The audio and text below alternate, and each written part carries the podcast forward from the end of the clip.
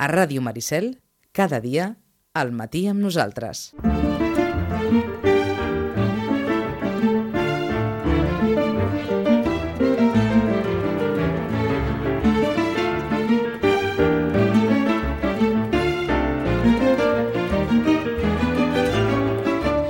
Onze i 16 minuts del matí, tercera hora d'aquest eh, matí, en nosaltres d'avui dimecres 17 de novembre del 2010. On ho havíem deixat?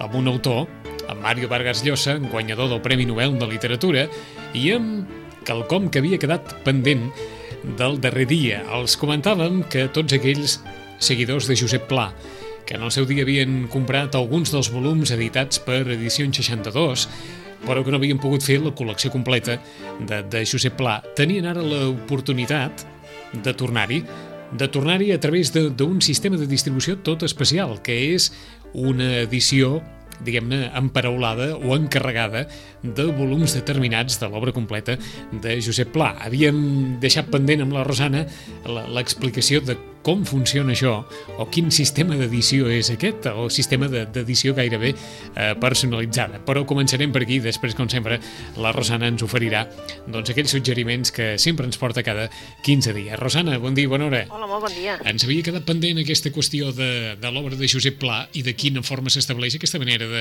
d'editar de, doncs... a la mida, per dir-ho així. Bueno, mira, um, de fet, uh, això els lectors no sé com els hi sentarà, però de, de fet la, la qüestió està així.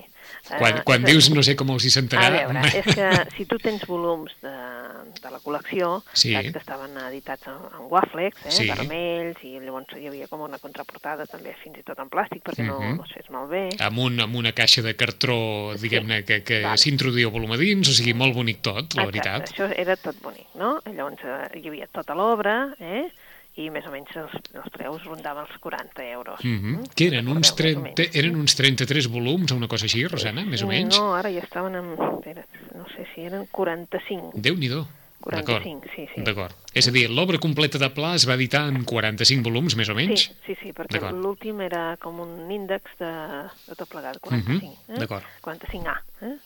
Bé, doncs, eh, ara resulta que si tot falta el volum, doncs, bueno, doncs diguem-ne de l'1 al 44 en valen 40 euros. Eh?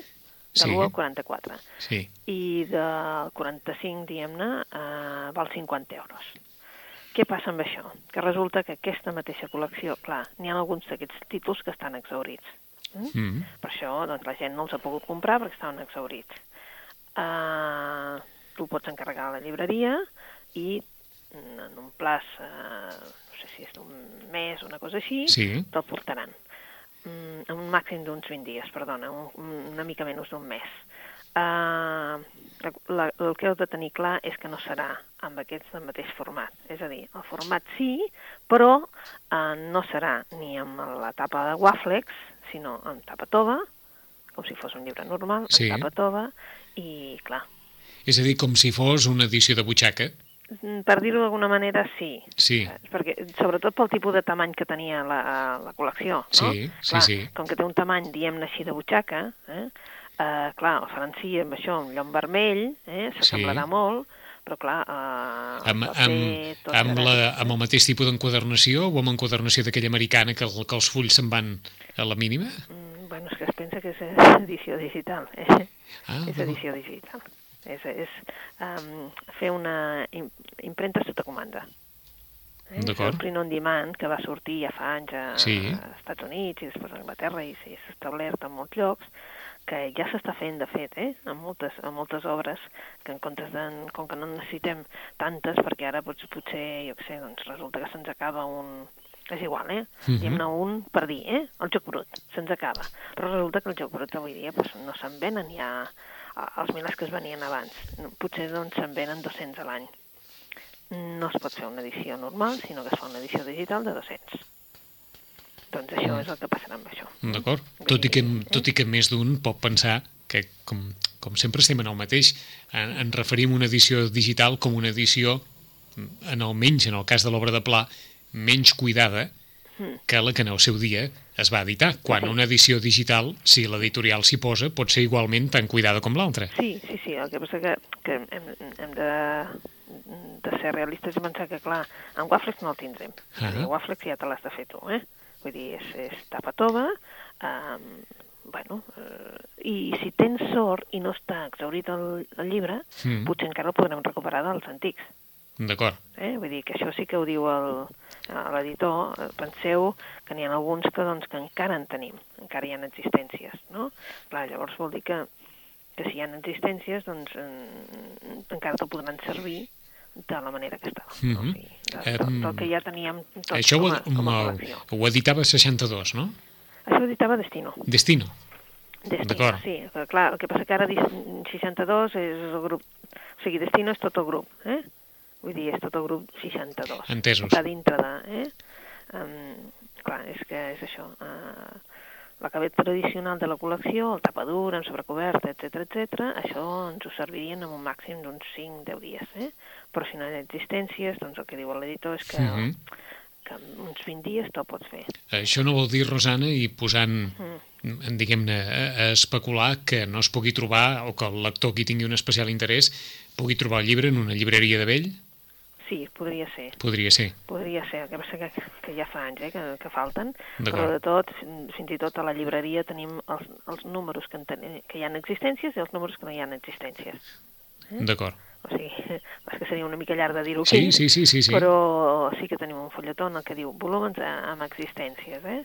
Ja diu que és a, a data d'octubre del D'acord. 2010. Ho dic perquè en el, en el cas de Destino Mm. no, no estaríem parlant estrictament de literatura, sí i no, hi va haver en el seu dia una col·lecció de, de referència de llibres que, que molt sovint eh, subsequiaven, uns llibres sobre Catalunya, sobre Sí. diferents temes relacionats amb Catalunya, amb esplèndides fotografies, en fi, una, una cosa magnífica que no s'ha repetit mai més, eh, almenys en, No, no. de, de, de, amb aquella, amb aquella, està clar que s'han fet llibres de gran categoria, però una col·lecció plantejada d'aquella forma i que molt sovint a, algunes persones l'han trobat en llibreries de vell a alguns d'aquests eh, volums tan, a tan bonics. encara No? es podia trobar així, de, de D'acord, d'acord. Allò de saldo, de, Sí, sí, sí, exactament. Que, bueno, estaven aquells llibres. A, a un preu veritablement de saldo, Sí, sí, o, a, es podien dur el, qui, qui fos algun llibre sobre, sobre el Pirineu o sobre Montserrat, sí, sí, o, terrible. o el llibre de la Festa Major, on, on hi ha també, entre altres, i els lectors sitgetans ja ho saben, el, llibre de- d'Espinàs de, i Forcano, doncs es podia trobar en llibreries de vell a, a preus rebentats, literalment. Rebentats, rebentats, ho, ho pregunto per si... compressis- És que el- ells l'havien comprat com aquell que diu a pres de paper, eh? D'acord. A preu de paper. Ho pregunto per si mm. aquesta iniciativa que es fa en pla Mm. és probable que, que es posi en marxa eh, amb, amb altres amb altres llibres que en el seu dia varen ser... És probable. És probable. Pensa que l'obra del Pla la gent l'ha continuat. Vull dir, els llibreters són, són pesadets i, i, i hem continuat donant-li, saps, allò, canya amb l'editor de dir, D'acord. "Escolta'm, i l'obra del Pla, que no és una vergonya que no tinguem l'obra del Pla. Llavors, potser també fa que, no?, que si hi ha demanda, doncs, D'acord. saps? Per hi ha que... resposta de em, l'editor. Oi que hi havia obra de Pla que també l'havia editada Selecta en el seu dia? Sí.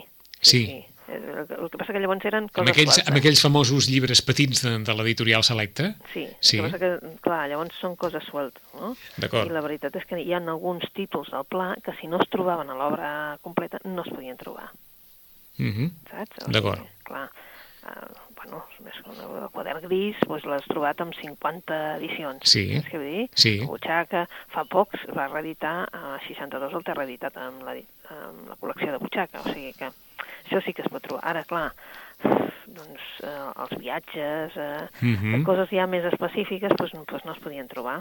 També ens hem de dir que si aquell que, que, aquell, la, aquell que ens està escoltant i vol tota la col·lecció del Pla, eh, això, te'n vas a la llibreria i en uns 20 dies pots aconseguir la col·lecció sencera per 1.760 euros, Mm. que són els 45 volums, i el que passa que et regalen el 45 i el, de, i el, i l'A, que és la... Anava, dir- anava a dir, Rosana, ja ho poden regalar, ja. Eh que sí? Bueno, quin, quin disbarat de preu. sí, però si calcules, clar, si Sí, sí, no, no, 40, està clar, 40 per 40, 160. Vull dir Sí, que, sí, és eh? clar. Vull dir que, a Mi- més, 1.700 euros l'obra completa de pla. Sí, perquè com que l'últim val 50 i tot això, 1.760 euros. Sí. D'acord. Vull dir que, clar, És simptomàtic això, eh? perquè precisament no és una comparació d'aquelles que es pugui fer, però així com eh, qui vulgui, no sé, qui vulgui la, la, les obres completes de, de Mozart o les de Bach, eh, les pot trobar en edicions discogràfiques molt menys econòmiques que fa eh, 20 anys enrere, per exemple, en el cas ja veig de les obres literàries, eh, si fa o no fa, pagarà el mateix que pagaria fa 20 anys enrere, Sí, sí, sí, i molt probablement una part d'aquesta edició no tindrà la qualitat la qualitat de presentació, De que, tenia, presentació, que tenia fa 20 anys enrere, i en canvi faran pagar el mateix preu per una qualitat de presentació que no és ni de lluny la que era, no? Sí, sí. Però, bueno, alhora, clar, el lector diu, bueno, com a mínim el podré recuperar. Sí, sí, no, està clar, com a mínim el podrà Podré llegir. el llibre, no? Uh, sí, sí, sí, és així. La veritat és que és així. I el que passa que, bueno, ja és el que et deia, no? segons quina obra vulguis llegir del pla, i és en butxaca. És a dir, per, per, per menys de 10 euros la tens, no? Mhm. I llavors, clar, això també fa que, que l'editor no se senti tan malament perquè diu, bueno, escolta, el quadre gris ja te l'he editat. O, o sigui, et pots fer una biblioteca bàsica de pla, eh, diguem-ne, no sempre pagant 40 euros per llibre. Ah, exacte. Eh? Passa que si vols allò aprofundir, no?, i dir, bueno, escolta, és que tenia uns llibres sobre el menjar, bom, no?, sobre els viatges, bom, clar, això ja... Eh? D'acord. En qualsevol cas, qui tingui molts llibres de pla o qui en el seu dia hagués fet aquesta obra completa de pla editada per Destino i li faltessin alguns volums que sàpiguen que es pot fer, eh, pot aconseguir-los a partir d'aquesta iniciativa de la impremta sota comanda. Vostès van a la llibreria, demanen el volum concret de l'obra de pla que, que els falti i o bé l'editorial els aconseguirà aquest volum de restes d'edició o bé l'editorial li farà un volum per vostè, però no amb la qualitat mm, que en el seu dia va ser editat, sinó amb una qualitat d'edició mm, rústica, amb aparença molt semblant eh, a l'anterior, però no amb tapa dura ni amb totes aquestes característiques que tenia l'edició original. Tot plegat per un preu de 40 euros, per 40 euros, en 3 setmanes tindran vostès aquell llibre que els pugui faltar de, de les obres completes de Pla. És un escriptor encara molt demandat, Rosana? Mm, sí, és curiós que, sobretot, no sé què, per què, mm, Nadal és una època, però estiu, eh, la gent vol llegir coses així, o, o més clàssiques, o també, doncs, saps? És el que dèiem, no?, sobre viatges. Ell té uns llibres magnífics sobre la Costa Brava. Llavors, doncs, la gent vol llegir-los. Sí. D'acord. Sí, jo crec Aquest- que és un autor encara que... Aquest Empordà petit continua cridant l'atenció, eh? Sí, saps? D'acord? Doncs... Encara, encara és això. Eh? Uh -huh. I, Encara. sobre, I sobretot aquells llibres de referència de Pla que continuen doncs, sortint. Sí. Quadern gris, el carrer estret, mm, llibres d'aquests. Molt bé, la bicicleta estàtica de Sergi Pàmies continua dalt de tot i, com era previsible, en castellà, El sueño del Celta, de Mario Vargas Llosa, ha arribat a dalt de tot de les llistes de venda, al costat del darrer llibre també d'Eduardo Mendoza, que ens situa al Madrid de l'any 1936. Un tassador anglès d'art i José Antonio Primo de Rivera coincideixen en el Madrid del 1936. Sí, és, uh, bueno, és, és una obra del Mendoza que, que té aquell punt uh, que té el Mendoza, no? Ironia, uh, també uh, una mica d'intriga, en aquest cas. Um, és, uh, jo crec que ell el que vol doncs, és posar a la palestra no, no tant el, el fet de, de la guerra civil, el fet de, no? de la lluita armada, sinó l'ambient que hi havia a la primavera del 36, no? l'ambient de revolta social, per dir-ho d'alguna manera, de, de que es veia alguna cosa de que eh, allò acabaria doncs, malament. No? Mhm. I és una mica que ell el que no vol, suposo, eh, que vol, vol posar-nos en, en la palestra és tota aquella gent que ho veia no? i que ho estava d'alguna manera provocant i que no van fer res per evitar-ho. Mm? I aquí donen noms i cognoms. Hi ha personatges, doncs, eh, com, bueno, evidentment, José Antonio Primo de Rivera, perquè això que diu el diari, no?, que el, Anthony Whitelands doncs, arriba a la primavera del 36, arriba a Madrid.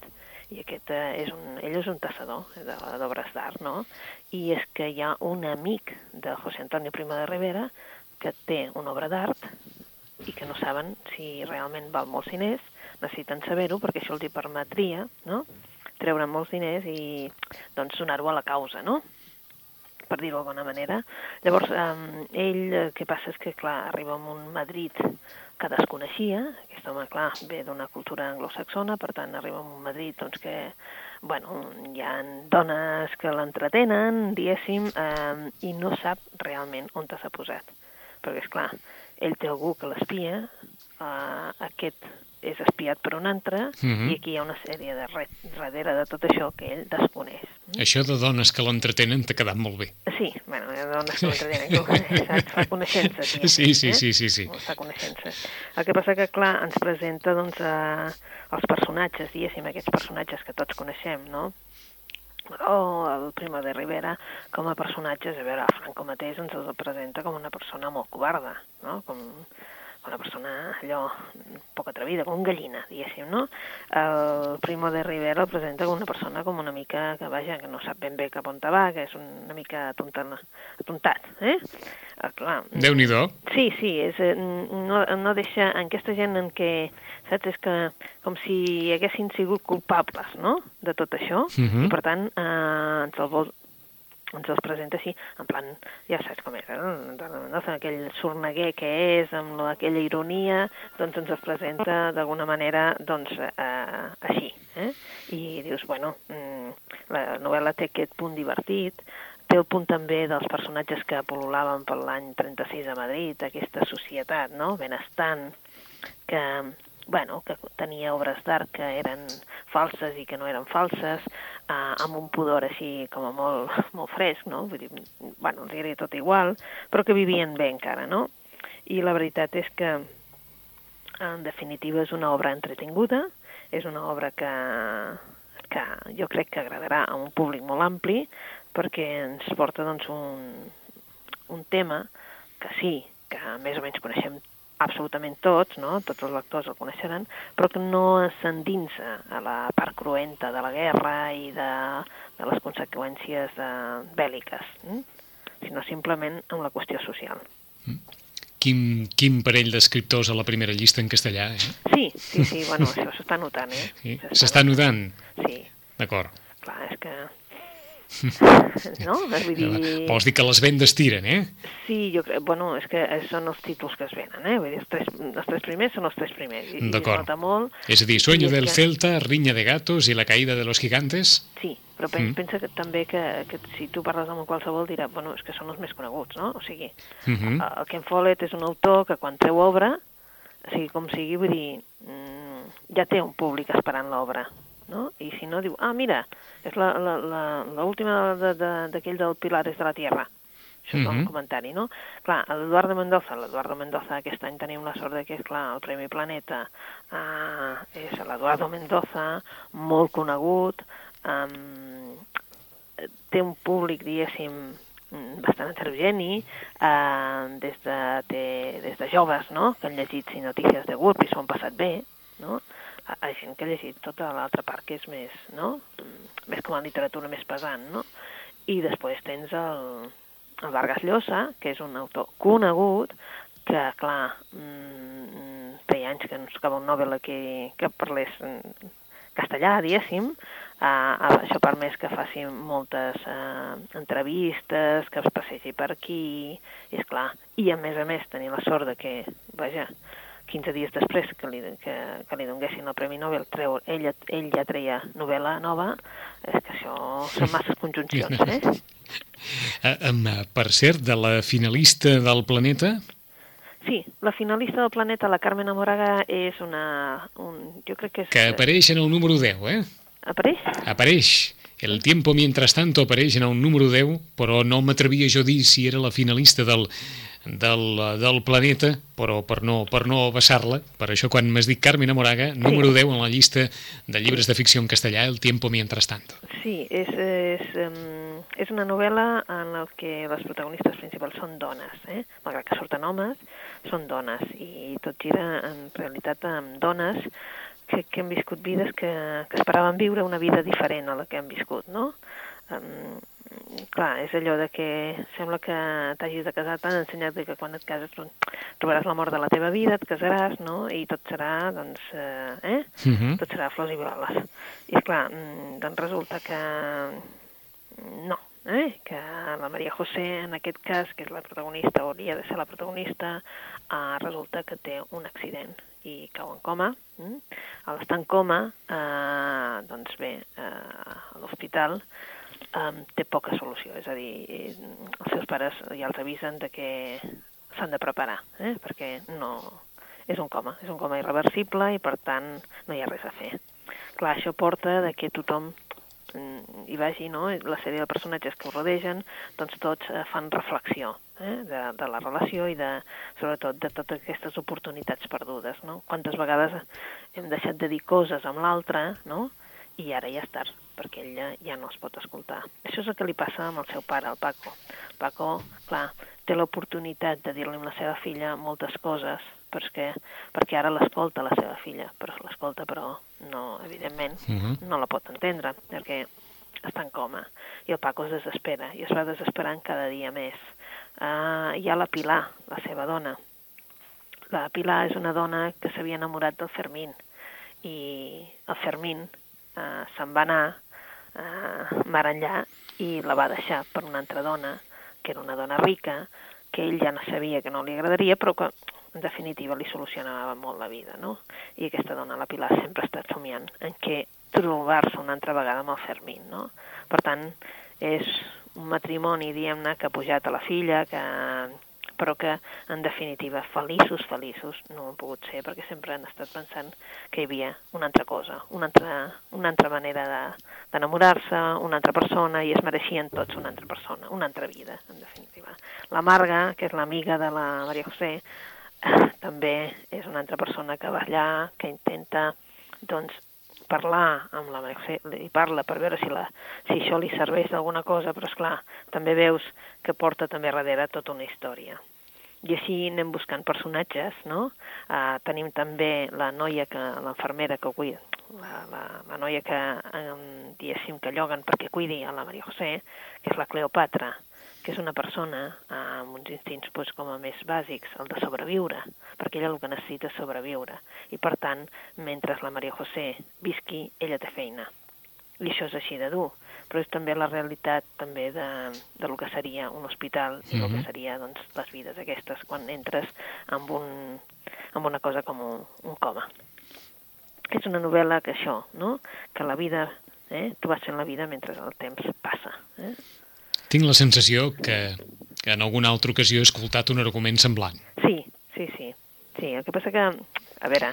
Allò de, diguem-ne, família, relacions entre persones sí. que es troben en el moment en què una d'elles està a punt de viure les darreres hores de la seva vida i que tot plegat serveix per, diguem-ne, per, sí, per, per retrobar altres, circumstàncies no? això mateix. Això, perquè, ah, clar, també hi ha l'exmarit d'aquesta Maria José, que és clar, vull dir, i diem-ne que pobra la, la Maria José, que era la, el personatge, doncs resulta que anava cap a una vida millor i tot s'estronca amb, amb aquest... Eh, amb caure d'aquesta uh -huh. manera en un coma D'acord. Eh, ha sortit al mateix moment que Rinya de Gatos? Sí, sí, sí. sí. Surten, surten premi finalistes, surten a l'hora, la, la promoció de cara a l'editorial es fa a l'hora i des de fa uns anys ells han vist que el millor és fer aquest... Eh, mm, fer-ho així. Eh? O sigui, eh, roda de premsa, sí, però de tots dos. Eh, Se'ls emporten doncs, a Galícia perquè, no? perquè els llibreters de Galícia sí, però tots dos.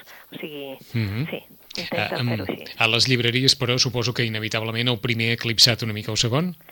Sí, sí, sí, en aquest cas sí. Eh? Hi, ha, hi ha anys que és curiós però pel que sigui... El segon eclipsa el primer. Sí, sí no? Sí. Perquè, bueno, pues sí, està sí. més dirigit cap a un públic i doncs ho veuen més clar i tal. I sí, moltes vegades el segon eclipsa el primer. Eh? Uh -huh. Vull dir, veus que ha tirat més. Aquest any, clar, és que el, el primer és una... No sé, és que, no? Vull dir, uh -huh. tothom coneix el... Eh, Eduardo Mendoza. Eduardo Mendoza és un autor Mm en, molt i molt. En eh? els llibres en, en català, en primer lloc la bicicleta estàtica, després la caiguda dels gegants, després li donaran un premi a Sílvia Alcàntara, perquè l'olor de Colònia, sí. l'olor de Colònia torna a estar al pom de dalt de la llista de llibres més venuts, i això que estem parlant del Sant Jordi, no d'aquest any, sinó de l'any anterior? Sí, això hem de dir que és que hi ha molts clubs de lectura que estan utilitzant aquest llibre. Vaja. Que, que D'acord que és una explicació. Perquè sí, si no, sí, sí, bueno, sí, perquè fa 81 setmanes, eh? És, és clar, vull dir, si no, escolta, eh, eh, com és? Bueno, doncs sí, és sí. això, eh? és que hi ha molts cops de lectura que estan utilitzant el, el llibre. I com comentàvem, doncs, evidentment, la pel·lícula, la pel·lícula. ha reforçat la novel·la, Pa Negre de Miel i Teixidor, continua estant també eh, al lloc de dalt a la llista de, de vendes. Havíem parlat de cada set onades Cada set onades? No, no n'havia No. parlat encara. No. De Daniel Glatauer eh, s'ha incorporat a la llista de llibres més venuts en, en català. Alguna qüestió sobre aquest llibre? Mm, Bueno, mm, sobretot, uh, si recordeu, Contra el vent del nord, Mm. no sé si recorden els lectors Contra el vent del nord, una novel·la feta de correus electrònics en el que dos personatges, eh, dos personatges ja adults, eh, vull dir, amb situació estable, ella sobretot, ell amb situació, diguem-ne, d'amatòria que ara no, no, no en té, vull dir que...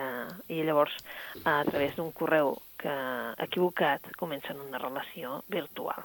Mm? i això continua i es venen les pors, les d'això, si s'han de veure, si no s'han de veure, etc etc. molt ben plantejada contra el vent del nord, i ara ens apareix, clar, en el, contra el vent del nord ens quedem amb el personatge del Leo en l'aire, mm, per dir-ho d'alguna manera. I, clar, mm, ens van prometre que hi hauria una segona continuació, eh? una segona novel·la, Uh, no sé si és avui o avui o avui venia la- l'autor, el Daniel Latauer, a Barcelona per presentar aquest Cada set onades. En castellà Cada siete oles, ho han fet conjuntament i bé, uh, clar, ara diguéssim que és això. Ja coneixem a la Amy Rodner, eh? ja coneixem el Leo Leike, uh, sabem en quin punt es van quedar, mm, un havia marxat perquè havia marxat a, a una altra ciutat i per tant eh, l'Emi doncs no s'havien, diguéssim, trobat en el sentit de dir, bueno, ara, ara què continuem fent, no? I a partir d'aquest moment és quan comença la novel·la. Què passa? S'han de trobar, no s'han de trobar? Um, bueno, és una novel·la que és allò que planteja el risc de trobar-se amb una persona que realment només coneixes per correu electrònic, però que en definitiva a tu et sembla que el coneixes més que fins i tot el teu marit que el tens al costat. és cada set onades, eh, també serà un èxit, vull dir, acaba de sortir i ja estan les llistes més venuts, Sí. perquè hi havia aquesta expectació, eh? Però bueno, L'expectació de la segona part. l'expectació de la segona, de la segona part. Eh? Abans de les recomanacions assenyalem també en, en categoria d'assaig eh, segurament la, la mort de Joan Solà ha propiciat que, que el recull dels seus escrits tinguin també un, un, un reconeixement per part de, dels lectors. Plantem cara, mm. articles en defensa del català, un, un recull d'articles de, de Joan Solà, del lingüista Joan Solà, editat per la Magrana, que està en el tercer lloc a les llistes de venda de- d'assaig en, en català. Eh? En aquest cas, però, es tracta ja de, de qüestions més, més específiques, però us ho diem per, per aquells que vulguin acostar-se també a aquest, a aquest vessant eh, importantíssim, transcendental en el món de la cultura catalana de Joan Solà, que sàpiguen que, que hi ha un llibre on es recull bona part de, del pensament del professor universitari i lingüista. Pel que fa referència a les recomanacions, Rosana, en tenim temps per dues més o menys? Vinga. Vinga, dos més o menys. Doncs mira, uh, tindríem... Mm, bueno, jo us hauria de recomanar la de Xavier Berneta, que presentem aquest cap de setmana. Uh, Xavier Berneta, amb Editorial Proa, publica ara País de llops. Mm. Bé, si la portada és preciosa, perquè ens diu que és una novel·la sobre els vencedors Sedors de la Guerra Civil, eh? Eh? I eh, primer de tot el que veureu, que és interessant, és el plantejament de la novel·la, perquè fins i tot a nivell gràfic ha quedat molt maca, perquè quan um, un dels personatges llegeix el diari, doncs queda reproduït com si fossin les dues columnes del diari. Quan és un atestat, doncs queda reproduït com realment si fos un atestat. Per tant, uh, s'ha de dir que l'editorial amb això ho ha curat molt i ens parla d'uns personatges, del Carles Maria Rovirosa i Branauer, el marquès de Torregrossa, que llegeix un article del diari que el deixa preocupat. Mm? Uh, primer ha començat amb un episodi de les barraques de Montjuïc, uh, que algú ha sortit cremat, mm? i llavors ell, quan llegeix aquest mm, passes amb el Carles Maria Rovirosa i Branauer, que és un altre dels personatges, i, i està llegint el diari. Aquest, el que llegeix en el diari eh, no reconeix la firma del qui ha escrit aquest article, però eh, es queda preocupat perquè, bé, i tu el que com a lector dius, bé, eh, per què s'ha de quedar preocupat, quina és aquesta història, què és el que remou, perquè parla d'uns fets eh, del 36. Estem a l'any 64, estem al març del 64 i per tant eh, algú deu passar. Eh? Mhm. Llavors tenim aquí eh, un exlegionari, Francisco de Paula Goyanes, que, bueno, que no ha menjat, però tampoc no té gaire gana, i la veritat és que tenim una barraca, una barraca que és aquesta que ha passat, passarà ara un accident. Eh? Mm, la veritat és que això l'ha d'acabar perquè és que és un senyor que, és clar veu, i al veure, doncs parla. El periodista que dèiem que signava l'article, el Celestino Sánchez Pereda, mm, bueno, compta els bitllets que ha acumulat al, al llarg dels darrers anys. De fet, són molts diners, però en necessita, i en necessita més. I llavors és quan posa un full de màquina d'escriure i comença a redactar aquest article.